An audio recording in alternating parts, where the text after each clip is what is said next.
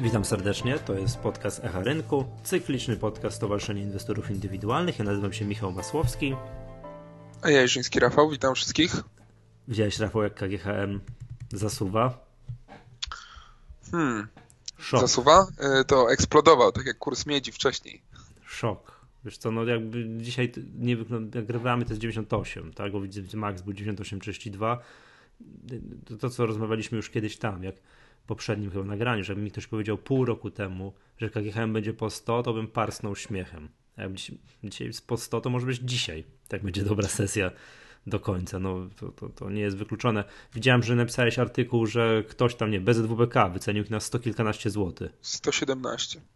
Mm, a jak klasyczny inwestor, to taki ten dowcip taki wśród inwestorów, który krąży, że co mówi inwestor po hoście, kiedy rynki, in, indeksy i, i, większość spółek rośnie 30-40%. Znasz to? Nie, jeszcze, jeszcze trochę i będę na zero. A, no właśnie. Wiesz, to, to tutaj, ale to, to bo to, to ciekawa dyskusja była tuż przed tym. Co tak rośnie jeszcze z portfela? Co, co my mówiłeś? Brio, tak? 7%. Tak, Brio ma typowy odpał. 7% to tylko dziś. Łącznie mamy już na nim 60%. Ale wiesz co, to jest masakra. On rośnie, tak przynajmniej tutaj wykres mam od lipca, wyświetlę sobie dłuższy.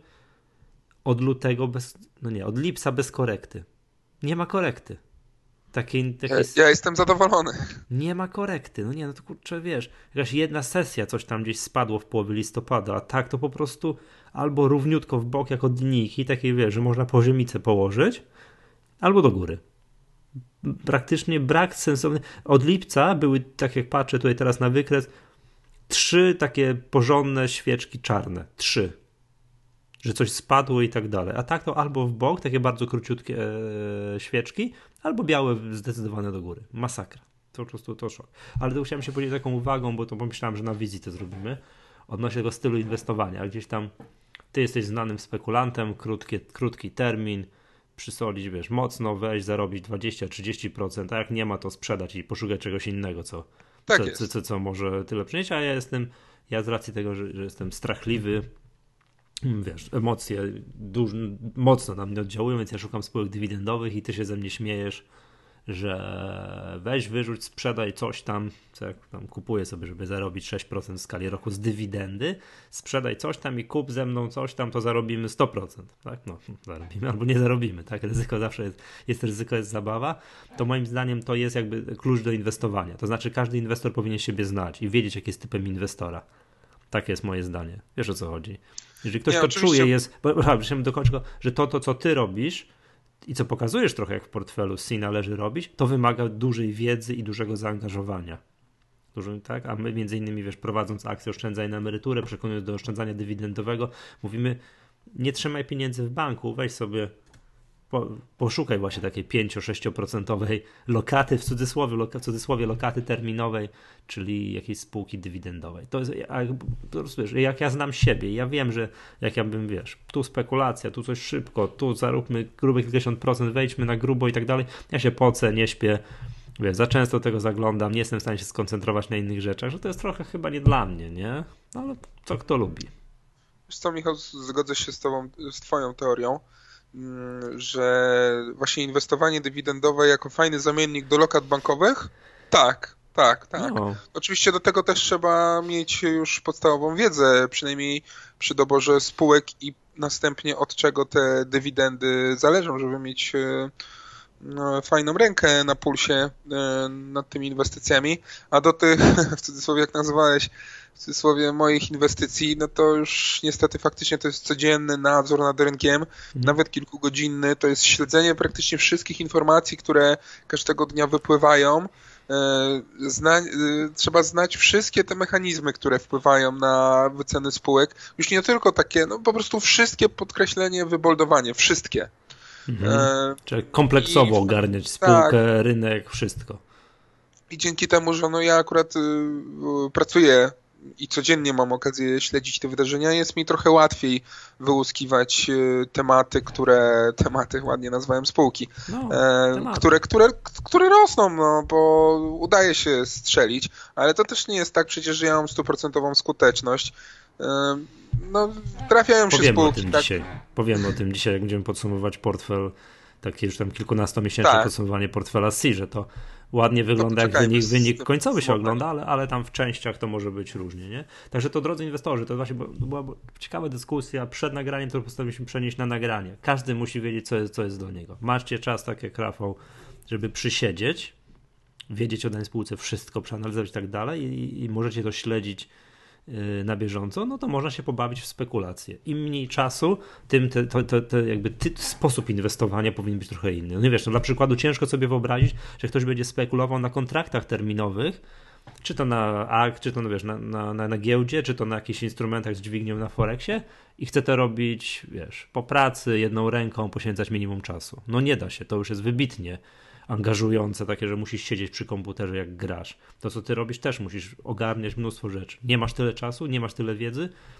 poszukaj sobie coś dywidendowego, ale tak jak powiedziałeś, to też chciałem podkreślić, że to nie jest tak, że nic nie muszę wiedzieć, kupię sobie dowolną spółkę dywidendową, jakoś to będzie. No coś tam trzeba wiedzieć, żeby się nie nadziać, nie wiem, na dywidendową inwestycję mm, PBG, PBG w 2007 roku, no tak?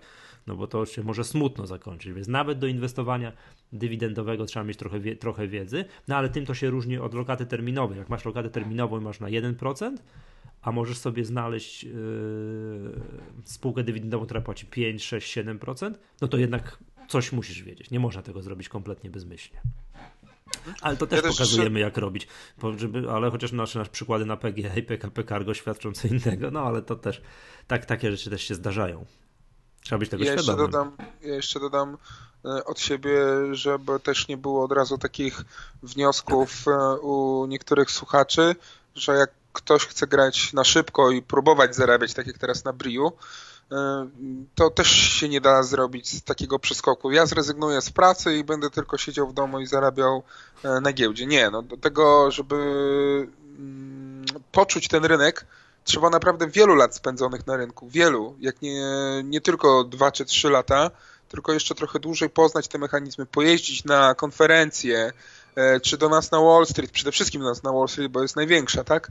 E, ale na inne również konferencje inwestorskie, na y, konferencje wynikowe spółek, nie jednej czy dwóch spółek, na 20-30 konferencji tych spółek. Mało tego, nie przez jeden czy dwa razy y, w ciągu roku, tylko przez dwa, trzy lata.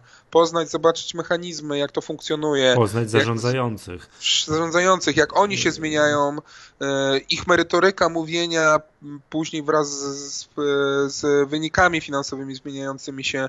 To jest wieloletnie doświadczenie, które trzeba nabić, ale nabyte doświadczenie wieloletnie później właśnie może fajnie procentować. Mhm.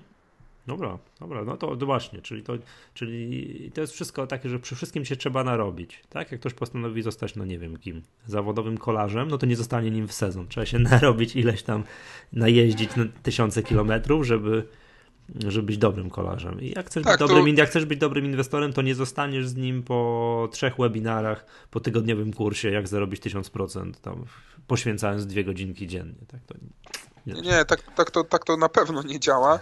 A to mi się przypomniał od razu taki, taki mem, który chodził po sieci e, w ostatnich e, tygodniach. E, była sytuacja, że gościa, który wysiada z bardzo luksusowego samochodu, dopadł jakiś tam dziennikarzyna, pewnie z Torunia i się pyta, czy pan sobie zdaje sprawę, ile zawartość tego samochodu można osób wyżywić. Gościu się w ogóle nawet nie zająknął i odpowiada. Ja daję zarobić e, na chleb, wodę i utrzymanie rodziny e, e, osobom, które pracują w fabryce samochodów, wszystkim firmom, które dostarczają części, osobom, które pracują w salonie u dealera, serwisantom, handlowcom, a nawet również tym, którzy nalewają mi na stacjach benzynę. I taka była jego odpowiedź i po prostu też automatycznie taki apel, żeby patrzeć przez pryzmat nie kto ile ma i co z tego można mieć, tylko patrzeć przez pryzmat e, jakie ktoś ma dochody w zamian za umiejętności jego prawda? Mhm. Czyli im, masz więcej umiejętności, wiedzy, rozwoju, tym będziesz więcej zarabiał, tym potencjalnie będziesz dawał jeszcze więcej i napędzał tych, tych ludzi, którzy nie mają nic i startują od zera. To też taki apel troszeczkę może też i polityczny, e, że nie należy się coś za nic. No bo jak a propos 500 Wiesz, plus. No takie socjalne troszeczkę i 500 tak. plus, dokładnie. A, a, a z ciekawości, nie wiem, pamiętasz, jak u nas na Wall Streetie był Kulczyk, tam ilość to już, to dwa lata temu, tak dobrze mówię? No teraz to dwa i pół roku temu, tak świętej pamięci Jan Kulczyk i on tak mówi właśnie, że pozwolił sobie, jak był tam przypytywany przez redaktora Krupę, na taką uwagę dotyczącą progresywnego opodatkowania osób najlepiej zarabiających. No tak to jest tak w Polsce. Im więcej zarabiasz i płacisz normalne podatki, tym tym masz wyższe opodat... Yy, tak, ta stopa procentowa jest wyższa. Każdy, kto wie, kto wpada w drugi próg. Ja mówię, że to jest trochę nie w porządku. Że ci, którzy najwięcej zarabiają, to z reguły zarabiają najwięcej dlatego, że a, są bardziej uzdolnieni, ale to tam w mniejszym stopniu, ale z reguły są bardziej pracowici. To znaczy, wstają wcześniej, uczą się języków, więcej uczyli się w młodości, cały czas się uczą. To dlaczego i teraz dzięki temu więcej zarabiają? To dlaczego niby ma się ich karać tym, żebyśmy im się więcej zabierać? Socjalizm. Także to taka uwaga, to pamiętam, że utkwiło mi w pamięci, że on całe życie zasuwa, więcej, więcej, też ma płacić więcej. No ale dobra, zostawmy może tematy polityczne. E, chciałem tak, dwa tematy na dzisiaj. Pierwszy to wyniki ogólnopolskiego badania inwestorów. To chciałem mm, generalnie zachęcić Was, drodzy słuchacze, do zapoznania się, tak? bo to są jest ciekawe wnioski, można wyciągnąć z tego badania. To jest tak, si.org.pl łamane przez OBI. Na naszej stronie są wyniki. I ja w zeszłym tygodniu dlatego nie nagrywaliśmy, bo ja byłem w Warszawie, kiedy ogłaszaliśmy te, ogłaszaliśmy te wyniki. No i tak, to co widać, tak, że polski inwestor mm, lata płyną, a on jest tak, coraz starszy. Mm, tak, przeciętny inwestor ma już około 40-41 lat. Coraz bogatszy. Przeciętny portfel to już nie jest 30 parę tysięcy, a około 50 tysięcy. Inwestuje na giełdzie od około 8-9 lat i ma coraz więcej akcji w portfelu. Wciąż nie tyle, co przeciętny inwestor z zagranicy, ale ma, ma coraz więcej tych akcji. No i teraz tak, generalnie od 2010 roku na rynku nie wydarzyło się nic, co przyciągnęłoby nowych inwestorów na, giełdzie, na giełdę, a wręcz przeciwnie, no, no dobrze wiemy, że kolejne rozbiory OFE to było szykanowanie giełdy, a nie tam no, ograniczanie roli rynku kapitałowego, a nie a, a nie rozwój. Więc, więc to powoduje to na, na, takie naturalne starzenie się inwestorów, że nie ma dopływu świeżej krwi i zostają tylko starzy inwestorzy. I to z jednej strony może być powód do niezadowolenia, do jakiegoś tam, znaczy nie, złe słowo, do niepokoju, że oj, giełda umiera, tych inwestorów jest coraz mniej. No jest nas trochę mniej, ale ta struktura wiekowa jest najbardziej uzasadniona. To jest jakby widać, nasze badania to potwierdzają, że mm, polski inwestor będzie wyglądał tak samo jak niemiecki inwestor, jak francuski, amerykański, angielski, no za jakieś tam kilkanaście lat. Czyli będzie miał tam około 50 paru, 60 lat, będzie miał w portfelu 20 kilka spółek, będzie inwestował dywidendowo, czyli Rafał, tacy inwestorzy jak ty to będą, ale w mniejszości. Tak. No ale zobacz, patrz, jakby, jakby mieliśmy tak, w latach 90., jakby popatrzeć na strukturę polskich inwestorów, to 100% spekulanci. 100%. Super. No to super. No tak było. Tak jak się nie zarabiało 10% dziennie albo nie traciło 10% dziennie, to było coś nienormalnego, prawda? A dzisiaj jest coraz więcej inwestorów dywidendowych. Około 1 trzecia inwestorów już deklaruje, że ma horyzont inwestycyjny powyżej roku. To oczywiście można sobie pożartować, że długoterminowy inwestor to jest ten, któremu nie udało się sprzedać w krótkim terminie, prawda? No ale się, tak inwestorzy deklarują i od, po, po raz pierwszy od dwóch lat także deklarują, że giełda w Polsce jest dobrym miejscem na oszczędzanie na emeryturę. Ale to też może wynikać z tego, że coraz więcej mówi się o tym, że jakichkolwiek sensownych emerytur z ZUS-u nie będzie i że trzeba sobie samemu gdziekolwiek radzić, więc inwestorzy też są ludźmi, też oglądają wiadomości, jakieś tam newsy i też, te, też w ogóle zaczynają o tym myśleć i stąd widać tą coraz większą liczbę osób inwestujących dywidendowo. No i wniosek jest taki, że tym przeciętnym starzeniem się inwestorów indywidualnych nie ma się specjalnie co przejmować. Więc drodzy inwestorzy, tak jak będziemy mieli 5, 60 lat, albo będziemy szli tam na emeryturę, albo jeszcze nie, bądź w zależności jak będzie wiek emerytalny, to będziemy się spotykać na walnych różnych spółek giełdowych, bo wówczas będziemy mieli na to czas. Dzieci odchowane, domy wybudowane, no co tu w życiu robić? No chodź, spotkamy się, choć pojedźmy na walne gdzieś tam, to przy okazji towarzysko się spotkamy i, i będzie fajnie. Także polecam serdecznie, to taki proces starzenia się polskich inwestorów. Z jednej strony może patrzeć z niepokojem, bo nie ma dopływu świeżej krwi, a z drugiej strony to wszystko normalne, bo tak wyglądają inwestorzy za granicą i to raczej mm, my będziemy równać do nich, a nie oni będą równać do nas. No ciężko sobie wyobrazić jakąś teraz jakąś, jakąś odwrotną sytuację, co wcale nie znaczy, że jakby wszystkie, nie wiem, że, że można się uspokoić. No, no jakby, okej, okay, ta struktura wiekowa jest prawidłowa, tak, czyli starzejemy się, no ale jakby liczbowo tych inwestorów indywidualnych, to akurat są badania już giełdy, a nie nasze, jest mniej niż, jest mniej niż jeszcze lata temu. Tak, no i na, akurat nad tym to warto byłoby się zastanowić, ale to już rola władz rynku kapitałowego. Ja tak się zawsze śmieję, że jakby władze rynku kapitałowego tak słuchały to, co ja mówię na tych konferencjach, wiesz, kiedy ogłaszamy wyniki OBI i robiły to, co ja mówię, że mają robić, to, to, to, to giełda byłaby dzisiaj w dużo, w dużo lepszym stanie, także ale to miałem akurat dobrą publikę. Wszyscy, tak, tak, tak, to wszyscy, wszyscy najważniejsze, najważniejsze osoby rynku kapitałowego siedziały, słuchały, także to, to, to, to, to naprawdę to, to było fajne pytanie, co z tym, co, co z tym dalej będzie. Zachęcam jeszcze raz www.si.org.pl łamane przez OBI. Tak i tam jest w slide zamiesz, tak, na slide zamieszczona cała nasza prezentacja z tej konferencji. Tam wszystkie najważniejsze wnioski, w szczególności to porównanie polskiego inwestora do niemieckiego inwestora jest yy, zamieszczone. Gorąco zachęcam. To tyle, jeżeli chodzi o wyniki i tak naszego badania. Już od razu zachęcam, będziemy startowali w przyszłym roku wcześniej e, niż, niż w tym. Będziemy kontynuowali, będziemy robili badanie w przyszłym roku, a tymczasem a tymczasem chciałbym, żebyśmy, bo to mieliśmy taki temat na dzisiaj zaplanowany, czyli podsumowanie 18 miesięcy inwestowania w portfelu C, bo to tak chyba jakoś teraz mija, prawda? Półtora roku. Tak, dokładnie teraz. Jako, jakoś tak, tak, teraz. No i mm, no to okrągła data, półtora roku, prawda? Za, za kolejne pół roku będziemy mieli 24 miesiące inwestowania w portfolio C, ale data, ale jest bardzo dobra z tego względu, że no powiem tak, no idzie, idzie ci, bo to trzeba, bo to twoja jest tutaj zasługa, idzie ci jak, jak złoto. To miło się podsumowuje, jak, jak, jak jest dobrze, prawda? Jakbyśmy mieli marne wyniki, to byśmy tak niechętnie siadali do ani artykułów, ani do nagrywania podcastów. Jak podsumujmy, bo idzie nieźle. Tak byśmy mogli podsumować. Powiedz, jakie mamy tak. jeszcze, jeszcze powtórzmy jeszcze raz, już do znudzenia. Jakie mamy te, te, te segmenty i jak one sobie przez ten okres poradziły czy, czy, idzie dobrze, no to tak wiesz, pierwsze takie wrażenie, jak spojrzysz na wycenę rachunku i widzisz tam 30 500, 600 złotych, mhm. no to to jest mizeria, tak? Na tle wpłaconych 30 tysięcy, bo to jest zarobek tam jednego, półtora, dwóch procent. Czyli właśnie tak jakbyśmy słabo dywidendowo inwestowali. Mniej więcej taki wynik. No widzisz, czyli, e, więc... czyli, czyli moje tutaj ta, ta, ten wywód z początku nagrania, że że, że wiesz, natrudziliśmy się, nahandlowaliśmy się, czasu poświęciliśmy, 500 zł zarobiliśmy. Nie był taki głupi, bo płacilibyśmy to na lokatę terminową, mielibyśmy więcej? Nie, nie, nie wiem, trzeba by to przeliczyć. No, no mów, więc mów. Generalnie, więc generalnie e, ten wynik ogólny no, mnie na pewno nie zadowala 1,5 czy 2% całego portfela po 18 miesiącach.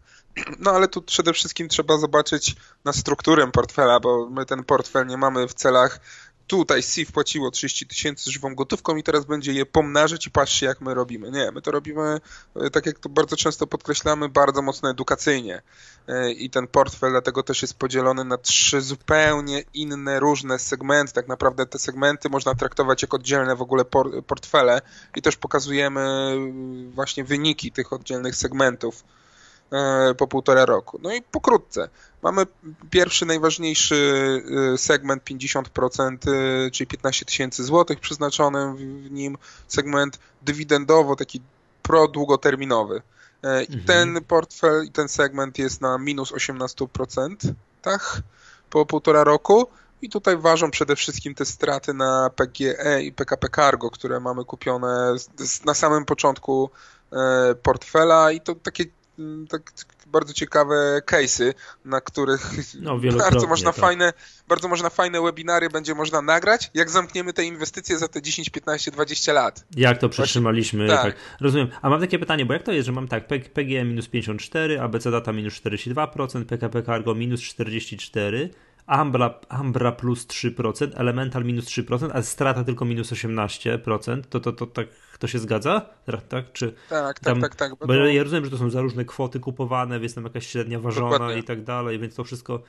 Mm, a mam pytanie jeszcze takie, jak policzyłeś tą, tą stratę na PG, bo tu mamy cenę, a to jest cena zakupu po uwzględnieniu dywidend. My to kupiliśmy po 19,87 czy, taka, czy jak? Nie, my po 20 z kawałkiem kupiliśmy to. Aha, ale jakby od, odjąć, dywi, odjąć dywidendy, to tak wychodzi, tak? Bo chodzi o to, czy ta stopa zwrotu jest policzona z uwzględnieniem dywidend, które dostaliśmy z tego PGE. O to tak bym zapytał. Tak, tak, tak, tak, tak, tak. Cena zakupu była 20 zł 70 groszy. Dostaliśmy dwie dywidendy, odliczając od nich podatek, który nam dom maklerski zabiera, odprowadza no to cena właśnie zakupu jest 19,87 no. dokładnie. No i kurs dzisiejszy e... wychodzi z minus 54%. Ok, czyli ta dywidenda no. jest uwzględniona w wyniku, bo to jest dosyć istotne, tak? tak? Bo to też, jak, to, to drodzy tam słuchacze, to popatrzcie sobie, bo impuls z reguły jest tak, znaczy nie z reguły, zawsze jest tak. Jak sobie na przykład logujecie w swoim domu maklerskim, macie tam jakiś kalkulator zysków i strat czy cokolwiek i powiedzmy sobie, kupiliście coś za 100 zł, i dostaliście przez ileś tam lat, powiedzmy 10 zł dywidendy łącznie, przez tam ileś tam lata i sprzedaliście to po 90 zł, to dom maklerski wam później wpicie tym 38 potraktuje, że jest strata na tym. Że jest strata, tak, ale nie stresujcie się, bo, bo żeście dywidendy dostali po drodze, ale to tak będzie, to zawsze tak jest że dom maklerski jakby przy wyliczaniu, czy jesteś na, na, na, czymś na stracie, czy na zysku, nie bierze pod uwagę dywidend. Tak jak ty to tutaj policzyłeś. Ty wziąłeś pod uwagę, bo to jest nasza inwestycja, ale domy maklerskie licząc w tych wszystkich kalkulatorach, czy wystawiając PIT 38, tego pod uwagę nie biorą. Bo dywidenda wpłynęła, podatek został pobrany, do widzenia. Hmm? No więc e, mamy, mamy klątwę tych spółek. No PKP Cargo na szczęście już gdzieś tam odbija e, i, i tą stratę zmniejsza. PG na razie jeszcze nie ma tutaj żadnych e, objawów e, no, zmiany trendu. Wciąż szoruje ABC Data, powiem Ci, że ta ABC Data to po prostu za każdym razem dostaje takiego kopniaka w głowę, który fundamentalnego, który, który zawsze na ten kurs e, gdzieś tam wpływa. Najpierw, najpierw były te spadki wyniku, tam też po pierwsze między innymi dlatego, że oni bardzo duże koszty ponieśli na ekspansję zagraniczną, później dostali obuchem action w, w sprawie podatku VAT, jak i cała branża, a teraz dostają osłabieniem złotówki. Od, od tych dwóch, trzech, a, no czterech bo, tygodni. Bo są importerem, importerem raczej i, znaczy nie raczej, są importerem, no i to właśnie jak dolar idzie w tę stronę, a złotówka słabnie, to oni, to gdzieś wtedy wszyscy eksporterzy tak. się, się, cieszą, a importerzy wręcz przeciwnie. Więc oni, więc mhm. oni po prostu no, no, no mamy niefarte, aczkolwiek no dalej jest ta spółka, dalej trzymamy, zobaczymy właśnie co a propos dywidendy, e, ta spółka dalej tam przejmuje, rozwija się, e, zwiększa gdzieś tam ten potencjał zagraniczny, no zobaczymy, czekamy dalej. E, I, i, no i tyle. Ambra, Ambra jedyna zyskowna jak na razie spółka dywidendowa. Mhm. Tu też bardzo ciekawy case, bo my mamy cenę zakupu po uwzględnieniu dywidend 7,80, a my te akcje kupiliśmy po 8,63, ale już dostaliśmy e, dość dużo dywidend, tak? A, czyli fajnie, dywidendy. kupiliśmy po 8,63, spółka jest po 7,95, a jesteśmy na niej zarobieni. Tak. Tak, ale gdybyście mieli to Państwo w jakimś, mówię, kalkulatorze zysków i strat w swoim domu maklerskim, ktoś by Wam to liczył, to Mm, to, by, to, to byłoby tam wykazane, że jesteście na stracie. Więc tu trzeba spłynąć. Ja, ja powiem tak, mam jedną taką inwestycję w prywatnym portfelu z brodą, tak? I jestem na niej minimalnie, tak patrząc po kursie, tam kilka procent do przodu. Kilka procent. A trzymam tą akcję, tak, akcję latami, to nie będę mówić co.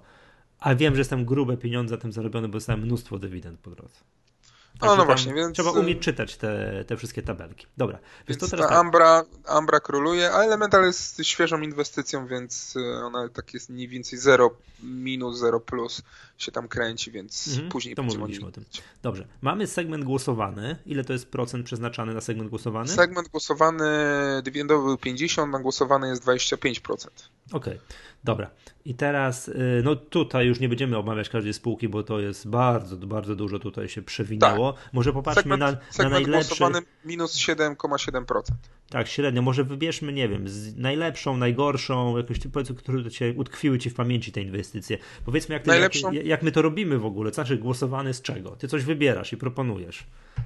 Tak, co miesiąc y, na naszych stronach można głosować y, w sądzie E, w sądzie jest pięć propozycji inwestycyjnych, które krótkie uzasadnienie danej spółki, dlaczego chcemy te akcje kupić, bądź też zagrać na spadek na kontrakty terminowe i są y, konkretne wyznaczone terminy wejścia, w tą inwestycję stop lossa i take profitu, ponieważ my ten horyzont inwestycyjny w tym segmencie mamy tylko i wyłącznie czteromiesięczny, tak żeby co miesiąc mogły wchodzić kolejne spółki. No, żeby nudno nie było, mówiąc wprost. Tak, żeby też nudno mhm. nie było. No i e, najfajniejsze takie inwestycje, które się udało, no to na początku było Monnari, plus 19%, dosłownie chyba w 2 czy 3 tygodnie z tego co pamiętam. To był jeszcze taki case, że Monari kupiliśmy po 13,60 i to tak eksplodowało do góry, sprzedaliśmy właśnie te 19% wyżej, a Monari poszło jeszcze tam na 21. No ale teraz jest po 9 zł to Monari, tak? Czy tam po 10. Ale, to e, podam, no, ale to podam, przykład, podam przykład w drugą stronę. Widzę tutaj CCC zakup po 162, strata minus 15%, bo ja kojarzę chyba nawet moment, kiedy kupowaliśmy, tak. tam spadli do 100 paru złotych, więc zakładam, że jakiś stop loss nam tutaj wyrzuci, jest minus 15,4%, a dzisiaj CCC jest po 190 parę złotych. Dokładnie, no i plus tam jakieś drobne, drobne, mało znaczące w dywidendach wypłacone jeszcze po drodze, prawda? Więc to, to czyli, to, czyli to, to działa w dwie strony. Raz jest tak, raz jest tak, że, że można tak popatrzeć po tych spółkach. Gdybyśmy to CCC przetrzymali, to byśmy dzisiaj kupę kasy zarobili. Ha, bardzo dobrze. Gdybyśmy to Monari przetrzymali, to byśmy kupę kasy stracili. Nie? Mhm. Fajnie. To, tak, to, to jeszcze ci coś utkwiło w pamięci spektakularnego albo fajnego, albo, albo wręcz przeciwnie. Na Azotach minus 14%, ale z kolei Autopartner plus 15%. Mhm. Tak, no. tutaj jest takie ewidentne w jedną i w drugą stronę, no to w krótkim terminie właśnie to nie jest, to nie jest konkurs popularności spółek. To nie możemy już inwestować, bo jakąś spółkę znamy, lubimy albo na niej ścimy, tylko tu trzeba pod kątem właśnie tych czterech miesięcy spojrzeć na tą propozycję mhm. inwestycyjną i na te poziomy wejścia-wyjścia. To jest najważniejsze w tym segmencie głosowanym i dlatego zawsze będziemy apelować, żeby głosujący bardzo solidnie przeanalizowali e, te właśnie poziomy pozycja po pozycji. No nie, super, fajnie. To może, ale przy okazji fajnie, fajnie ten wynik, że no jest minus, tak, ale widać jakąś tą historię sobie można popatrzeć, tak. Dobrze, no i teraz hit największy, czyli segment inwestycji własnych, który do tej pory też miał być 25%, ale wiem, że to Rafał będziesz zmieniał. No i to, to co tu to mówisz, no to, to jest z kolei nie chciałbym powiedzieć, że pasmo... moje spekulacje, nie... tak? To jest, to jest właśnie ta twoja spekulacja, o której rozmawialiśmy na początku dzisiejszego nagrania, tak? No i to już, hmm, może z wyjątkami, z wyjątkami, ale to jest to pasmo sukcesów, tak? Może nie, nie właśnie nie, nie nieprzerwane, no bo to też zdarzyło ci się coś tam wtopić, no ale jak, już, e. jak już trafiłeś, to trafiałeś na grubo. No, wydaje mi się, że tak jak rozmawiam z innymi inwestorami indywidualnymi, którzy już bardzo długo też inwestują, no to mniej więcej tak to właśnie wygląda. No nie da się trafić 10 na 10, ale wystarczy, że się trafi 2, 3, 4 perły w roku, które dadzą zarobić 50, 100, 70%, to w zupełności przy stosowaniu odpowiednim stop lossów pokryją straty i dają jeszcze mocno zarobić. Więc tutaj w tych, w tych moich inwestycjach tak dość tak delikatnie mm, inwestowałem przez dłuższy czas, bo miałem też 25% portfela, czyli 7,5 tysiąca do dyspozycji, czyli 5 spółek po 1500 zł, to dopiero teraz, pierwszy raz mam wszystkie 5, całe, całe środki wykorzystane w tym segmencie. Po raz pierwszy mam 5 spółek w tym segmencie kupionych. Teraz. Zresztą miałem tylko po 2, 3, jakoś tak nie byłem aż na tyle odważny. Dobra, Co tutaj... może od największych... Straty może. Strat. Widzę BBI minus 21%, z takich tak. mocnych rzeczy jest na przykład na przykład Kolian minus 19, Kalia minus Dokładnie. 18.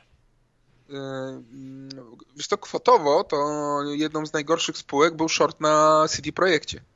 O. Stary, stary, stary short na CD Projekcie, A, widzę, brany po, po 22 zł i tam była taka sytuacja, była hmm. lokalna, e, przeczuwałem tam lokalną korektę i tam technicznie wskazywało właśnie na spadek. I ja zagrałem właśnie na realizację takiej korekty i wyznaczyłem take profit, jeśli dobrze pamiętam, na 20 zł. Kurs był e, w najniższym momencie 20 zł 07 chyba groszy. Mhm. Więc dosłownie minimalnie tam się e, to minęło z moim take profitem i potem kurs szarpnął do góry, no i stop loss po 24 zł około 24 zł mi to spieniężył. Całe szczęście, bo teraz byłoby 50. No nie, no wiadomo, że teraz to będzie, tak to jest jeszcze było na, kon, na kontrakcie, będzie CD Projekt 50 parę złotych, no to tak? No to teraz Więc... wszyscy mówią, że CD Projekt, wiesz, 5 miliardów złotych kapitalizacji przekroczył, no to to szok jest, prawda? Więc generalnie ta pozycja strasznie mi utkwiła w pamięci, no strasznie, no, to, to po prostu o włos i też dałem ciała, że tego stop lossu nie obniżyłem, takiego no, kroczącego nie żeby zrobiłem. przynajmniej na zero, nie Na zero. Tak, tak dokładnie.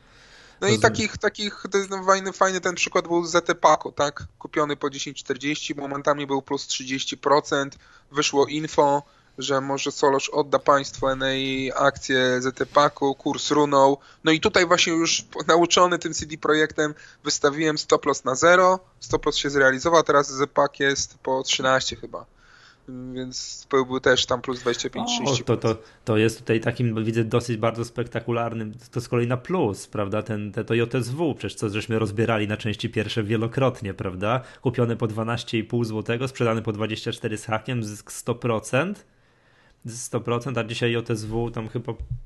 80. Tak, no puka powoli do WIG-u 20 z powrotem. No i, i, zobacz, jaki, i zobacz, jaki z tym jest problem, bo e, ja mam moralniaka, że tego nie trzymałem tak. dalej. Aha, no. Bo to też... Ale zarobiłem najwięcej jak do tej pory. 100% Aż... w, tam, w, nie wiem, w 3-4 miesiące. A JSW a do 80 paru bez korekty. No teraz jest przez ostatnie 5-6 dni jakaś tam korekta taka widoczna na wykresie, na wykresie, prawda? A tak to po prostu, no nie sposób, można było powiedzieć tak, że przez ostatnie od lipca do grudnia, do początku, no do końca listopada nie szło stracić na JSW. To było ciężko. Tak, jak ktoś gdzieś tam kupował i sprzedawał w dowolnym momencie, naprawdę był problem. No, a jest 100%, najlepsza inwestycja. Więc ja pamiętam decyzję o zamknięciu e, tej zyskownej pozycji na JSW, to podjąłem pod tym kątem, że po pierwsze okrągłe 100% będziemy mogli się pochwalić i idealnie tak wyliczyłem cenę sprzedaży, żeby było 100%. Aha. E, I poza tym jak patrzyłem na wcześniejsze wyniki, no to co tam, Wistula była na 44% e, mhm. i Grodno na 32%. No to przy 40 i 30 nagle masz 100. Wow tak? Sprzedajemy. Tak. I to był mój główny powód, żeby, żeby sprzedać w ogóle te akcje e, i, i, pokazać te 100%. Ja no, no ale to fajnie udało się. To, to, sporo takich rzeczy. No to historia zna wiele takich przypadków, tak? PKN no. Orlen. Tutaj widzę, że cena zakupu 64,71 jest na 0, a dzisiaj PKN jest po, po 80. No, więc, i, i, tak e, można tutaj, tak, a jeszcze widzę z tych takich do, dobrych, ta Wistula, i, bo z kolei Czechy, bo JSW to był szybkim deal, że się tak wyrażę. To, to, tak, to chyba 2-3-4 miesiące max. Tak, i to max. Z kolei Wistule wiem, że trzymałeś i trzymałeś i trzymałeś, tam 44% się skończyła Wistula, tak? Tak, i tam w końcu chyba cały czas jest mniej więcej na tych poziomach. W ogóle fajny efekt, bo y, też spojrzałem y, Grodno. Mhm też tam inwestycja zamknięta chyba już niecały rok temu, czy taka Wistula. Te spółki są dalej mniej więcej na poziomach tych, w których e, ja sprzedawałem te akcje. Więc to akurat to też były dobre jednak inwestycje, że to już jest jednak jakaś tam lokalna górka, mniejszy jest ten potencjał wzrostu i, i trzeba zrealizować te zyski, już nie trzymać i zaangażować te pieniądze gdzie indziej. I tu akurat taki kolejny fajny czynnik potwierdzający zasadność tej decyzji o sprzedaży tych spółek. Znaczy to jest e, akurat fajne z tego punktu widzenia, bo jeżeli spółka nie płaci dywidendy, a widzę, że Wistula nie płaci, to trzymanie tego tak jak faktycznie nie widzisz dalszego potencjału nie ma sensu. Mhm. Tak, jest, szukamy wtedy gdzie indziej. No wiadomo, no zawsze można taki... no, pomylić, nie? ale to zasadniczo no, chodzi, chodzi o, o drodzy, drodzy słuchacze, o pokazanie sposobu inwestowania. Szukamy spółki potencjałem, kupujemy, no i tam po tych dwóch miesiącach sprzedajemy. To nie jest segment dywidendowy, że po drodze jeszcze liczymy, że jakaś dywidendka wpadnie. No i PMPG jeszcze masz tutaj, ale to cały czas otwarte. Tak, to jest cały czas otwarte. E, tutaj dalej takie wyniki fundamentalne, które spółka pokazuje, jej perspektywy, nadal gdzieś mi się tam e, skłaniają mnie, żeby trzymać tą pozycję, więc e, dalej. Po, powiem ci, że tak jak do połowy 2016 roku, no to PMPG to był wystrzał. Tak już mniej więcej tak od, od pół roku, od połowy 2016, to, to już nawet trochę wcześniej, to już źle wygląda na wykresie i... Tak, to, to faktycznie to optymizmu nie, nie przynosi. Korekta była no, klasyczne 50% ruchu. E, więc na razie jest ta konsolidacja wokół 4 zł, tam 3,60, 3,70. Mamy 70% zysku, e, więc no dalej, dalej sobie tutaj trzymam te akcje. Mhm, dobra. Co Coś tu jeszcze? Briu. No to jest hit, ale to jest akurat hit dni ostatni, prawda? To co, to co e, jeszcze rozmawialiśmy dzisiaj, tak, że Briu jako linijki, po prostu, po prostu ciężko znaleźć no co mówię na początku nagrania, sesje spadkowe. Dalej mamy to otwarte. Dalej mamy to otwarte i jak w momencie nagrywania jest 31,60 kurs, czyli to oznacza, że już mamy nie 49 tak jak w artykule, tylko 60% zysku e, na tych akcjach. E, no, dalej trzymamy fajny case, rośnie.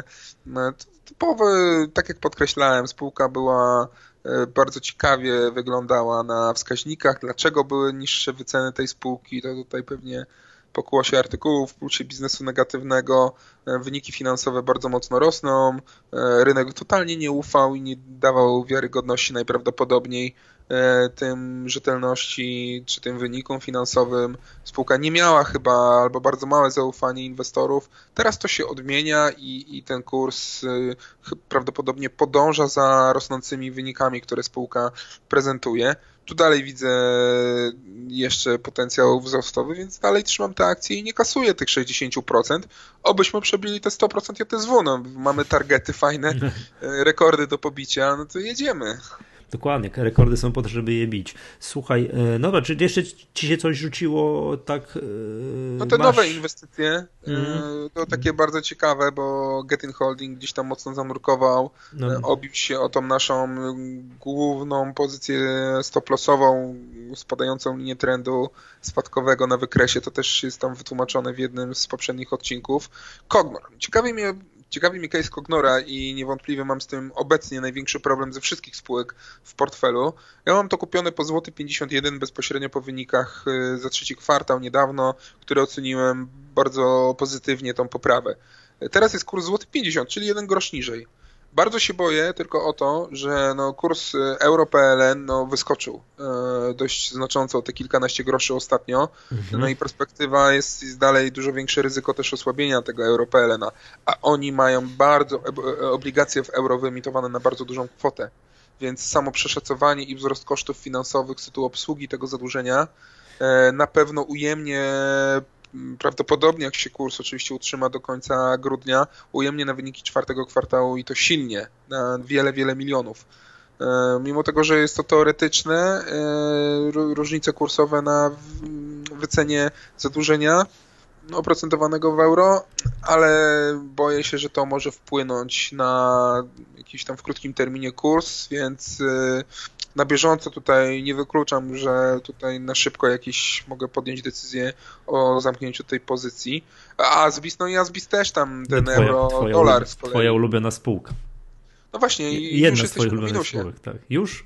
Aha, tak, bo jest 2,88 właśnie przez tego USDPLN, bo to jak y, kurs mhm, złotówki widzę. tracił, tak, to, to Aspis y, spadał. Jest to fundamentalnie oczywiście uzasadnione. No ale tutaj jestem na razie spokojny i czekamy na ten e, czwarty kwartał, który ma być najlepszy. Asbis akurat od złotówki do dolara nie jest aż tak mocno uzależniony, no ale ten dolar umacnia się wobec większości walut, więc tutaj e, czynnik ryzyka jest. Także no co, no dynamicznie się dzieje w całym portfelu. Jest, jest, jest dużo tutaj case'ów, przypadków. No, y, ostatnie te transakcje, jak widzimy, są no, JSW 100%, tak, PMPG 70, Asbis 30, Prius 60, Bogdanka 14. To jest bardzo wysoko postawiona na razie poprzeczka i będzie bardzo ciężko nawet wyrównać ją, no ale będę robił co mogę. Dobra, dobra. Czy yy, na zakończenie, czy chciałbyś może, bo to jest zmiana tych procentowych zmiana procentowych udziałów, tak? No bo skoro no wniosek jest prosty, skoro coś ci idzie dobrze, to rób to dalej, skoro coś ci idzie źle, no to zastanów się nad tym. Tak, czy, to, czy, to jest akurat bardzo ważna uwaga. I, i, i, czy, i, to nie, I to nie zależy już nie tylko w inwestycjach giełdowych, ale w ogóle w życiu, nie? Tak warto sobie tę taką, tak, taką, tak, taką wiesz, maksymę stosować, tak? Zastanów się, jak coś ci idzie ewidentnie źle po raz kolejny, to zastanów się, czy będziesz to robić.